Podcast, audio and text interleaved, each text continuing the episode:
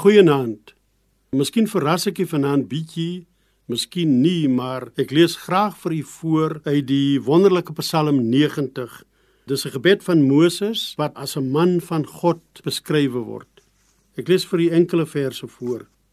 Soveel dae as die waarin u ons verdruk het, soveel jare as die waarin ons gelei het, gee ons soveel jare van blydskap.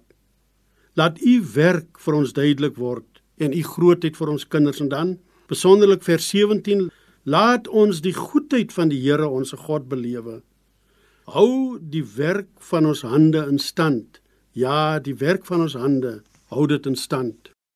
Daar is seker weinig dinge wat vir mense so vreesaanjaend is as die gedagte dat hulle moeitevolle arbeid, dit wat hulle tot stand gebring het, deur 'n ramp of deur die moedswilligheid van ander tot niet gemaak kan word.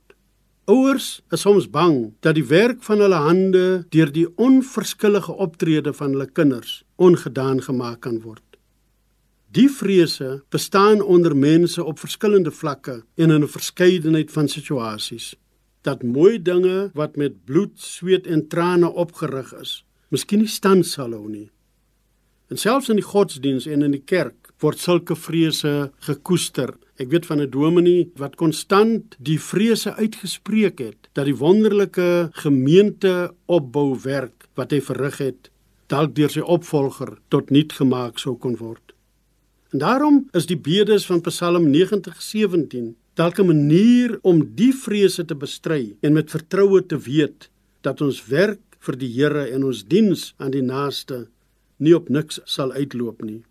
As ons self net eers die goeie dinge wat God self tot stand gebring het met opgewondenheid en dankbaarheid belewe.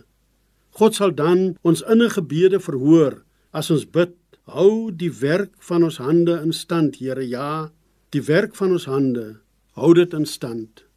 Paulus die apostel skryf aan die gelowiges in Korintiërs 1 Korintiërs 15:58 dat hulle mag weet dat hulle werk in die Here dit wat hulle met hulle eie hande tot stand gebring het dat dit nooit nooit te vergeef sou wees nie omdat God self in en deur Jesus Christus ons Here en die Heilige Gees die dinge in stand hou. Amen.